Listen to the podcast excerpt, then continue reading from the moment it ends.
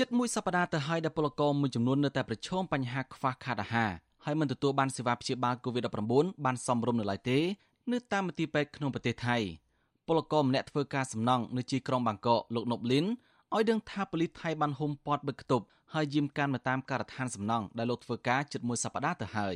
លោកបន្តថាអាញាធរថៃបានផ្គត់ផ្គង់អាហារហូបចុកខ្លះដល់កម្មករហើយអនុញ្ញាតឲ្យពលលោកដើរឬខ្យងនិងបេះត្រកួននៅខាងក្រោយការដ្ឋានសំណង់បាន ប៉ុន្តែលោកថាសម្រាប់ពលករដែលគ្មានការងារធ្វើហើយមិនរងការបិទគប់វិញពួកគាត់មិនទទួលបានការផ្គត់ផ្គង់អាហារពីរដ្ឋាភិបាលថៃនោះទេអ្នកខ្លះត្រូវដើរឬខ្យងបេះត្រកួនហើយដើរសុំបាយវត្តហូបដោយខ្លួនឯងចំណែកឯស្ថានភាពពលករឆ្លង COVID-19 វិញលោកនប់លីនបានដឹងថាពួកគាត់នៅមិនទាន់ទទួលបានសេវាព្យាបាលទាន់ពេលវេលាដដែលដោយពួកគាត់ត្រូវដេកនៅបន្ទប់ជួលឬក៏នៅកន្លែងធ្វើការជិតមួយសប្តាហ៍ទើបមានឡានពេទ្យមកដឹកយកទៅព្យាបាលដោយសារតែបញ្ហាខ្វះក្រែ ខ្ញុំទៅចាប់ខ្យងព្រឹកវិញទៅជួបគេគេថាគាត់តកែបងឯងឲ្យអីហូបអត់ខ្ញុំជួបម៉ែដូចគ្នាណាខ្ញុំក៏សួរគេថាគេឲ្យអីហូបអត់ទៅចាប់ខ្យងជុំគ្នាគេថាមានបានទេបងអ្នកខ្លះក៏តកែគេរាប់ឈប់តកែខ្លះអ្នកខ្លះអត់តកែអត់រាប់ឈប់ពលករខ្មែរបានជួបការលំបាកខ្លាំងចាប់តាំងពីអាញាធរថៃបិទគប់ការដ្ឋានសំណង់ហើយពង្រឹងវិធានការតឹងរឹងមួយចំនួននៅក្រុងបាងកកនិងខេត្តទាំង5ដែលនៅជុំវិញនោះដើម្បីទប់ស្កាត់ការរាលដាល COVID-19 កាលពីថ្ងៃទី30ខែមិថុនាតំណាងពលករប្រមាណ20នាក់បាននាំគ្នាតវ៉ាដាក់ញត្តិទាមទាររដ្ឋាភិបាលថៃនិងរដ្ឋសភាថៃយកចិត្តទុកដាក់ជួយផ្គត់ផ្គង់អាហារហើយផ្ដល់សេវាព្យាបាលដល់ពលករខ្មែរឲ្យបានសមរម្យ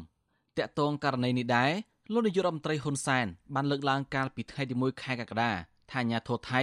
នឹងមិនដាក់ទោសទណ្ឌចំពោះពលករមិនស្របច្បាប់ទេប៉ុន្តែថែមទាំងផ្ដល់ការចោទឈ្មោះឲ្យពលករទាំងនោះបានក្លាយជាពលករស្របច្បាប់វិញ លោកជំរុញឲ្យក្រសួងពាក់ព័ន្ធជួយស្ថានទូតខ្មែរនៅប្រទេសថៃដើម្បីផ្សព្វផ្សាយឲ្យពលករបានដឹងហើយពន្យល់កម្មករកុំឲ្យធ្វើដំណើរវិលត្រឡប់មកកម្ពុជាវិញអ្នកដែលមានការងារធ្វើស្របច្បាប់អត់មានការភ័យខ្លាចទេប៉ុន្តែអ្នកដែលអត់មានការ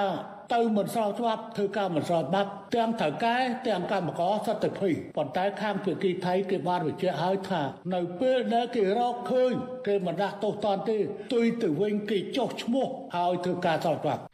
វិទ្យុអាស៊ីសេរីមិនទាន់អាចសុំការបញ្ជាក់បន្ថែមពីឯកអគ្គរដ្ឋទូតកម្ពុជាប្រចាំប្រទេសថៃលោកអ៊ុកសុផុនហើយនៅអ្នកនាំពាក្យក្រសួងការបរទេសលោកកុយគួងបានទេនៅថ្ងៃទី3ខែកក្កដាបើទោះបីជាណាស្ថានទូតកម្ពុជាប្រចាំប្រទេសថៃបានមហោសារលើ Facebook ថាពលករសំណង់ដែលរងការបិទគប់នឹងទទួលបានការជួយពីអាជ្ញាធរថៃ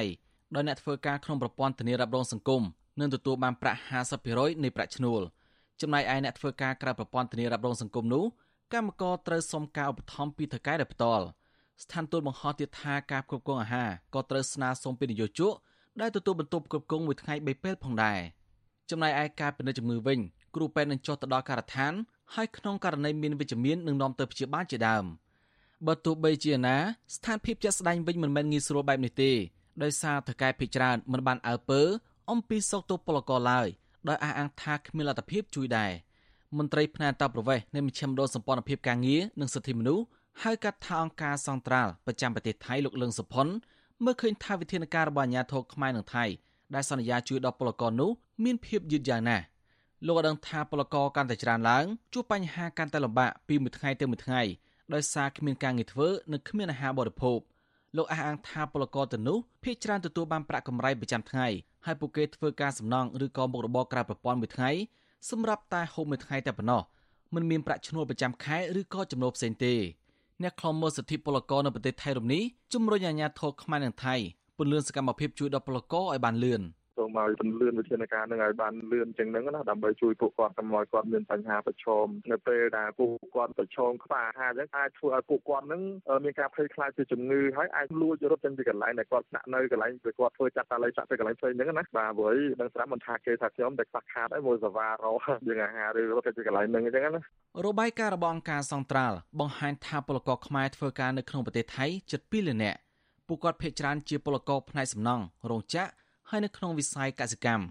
ពួកគាត់រងផលប៉ះពាល់ធ្ងន់ធ្ងរចុងក្រោយនេះគឺចាប់តាំងពីចុងខែមិថុនាមកដោយសាររដ្ឋាភិបាលថៃបិទគប់ការដ្ឋានសំណង់ហើយរំបន្តឹងវិធានការទប់ស្កាត់ COVID-19 នៅក្រុងបាងកកនិងខេត្តទាំង5ពលករខ្លះនាំគ្នាធ្វើដំណើរទាំងប្រថុយនឹងឆ្លង COVID ដើម្បីត្រឡប់មកកម្ពុជាវិញដោយសារតែការខ្វះខាតធ្ងន់ធ្ងរដោយក្នុងមួយថ្ងៃមានប្រមាណ300នាក់ខ្ញុំសនចាររថាវិទ្យុអាស៊ីសេរីរាយការណ៍ពីរដ្ឋធានី Washington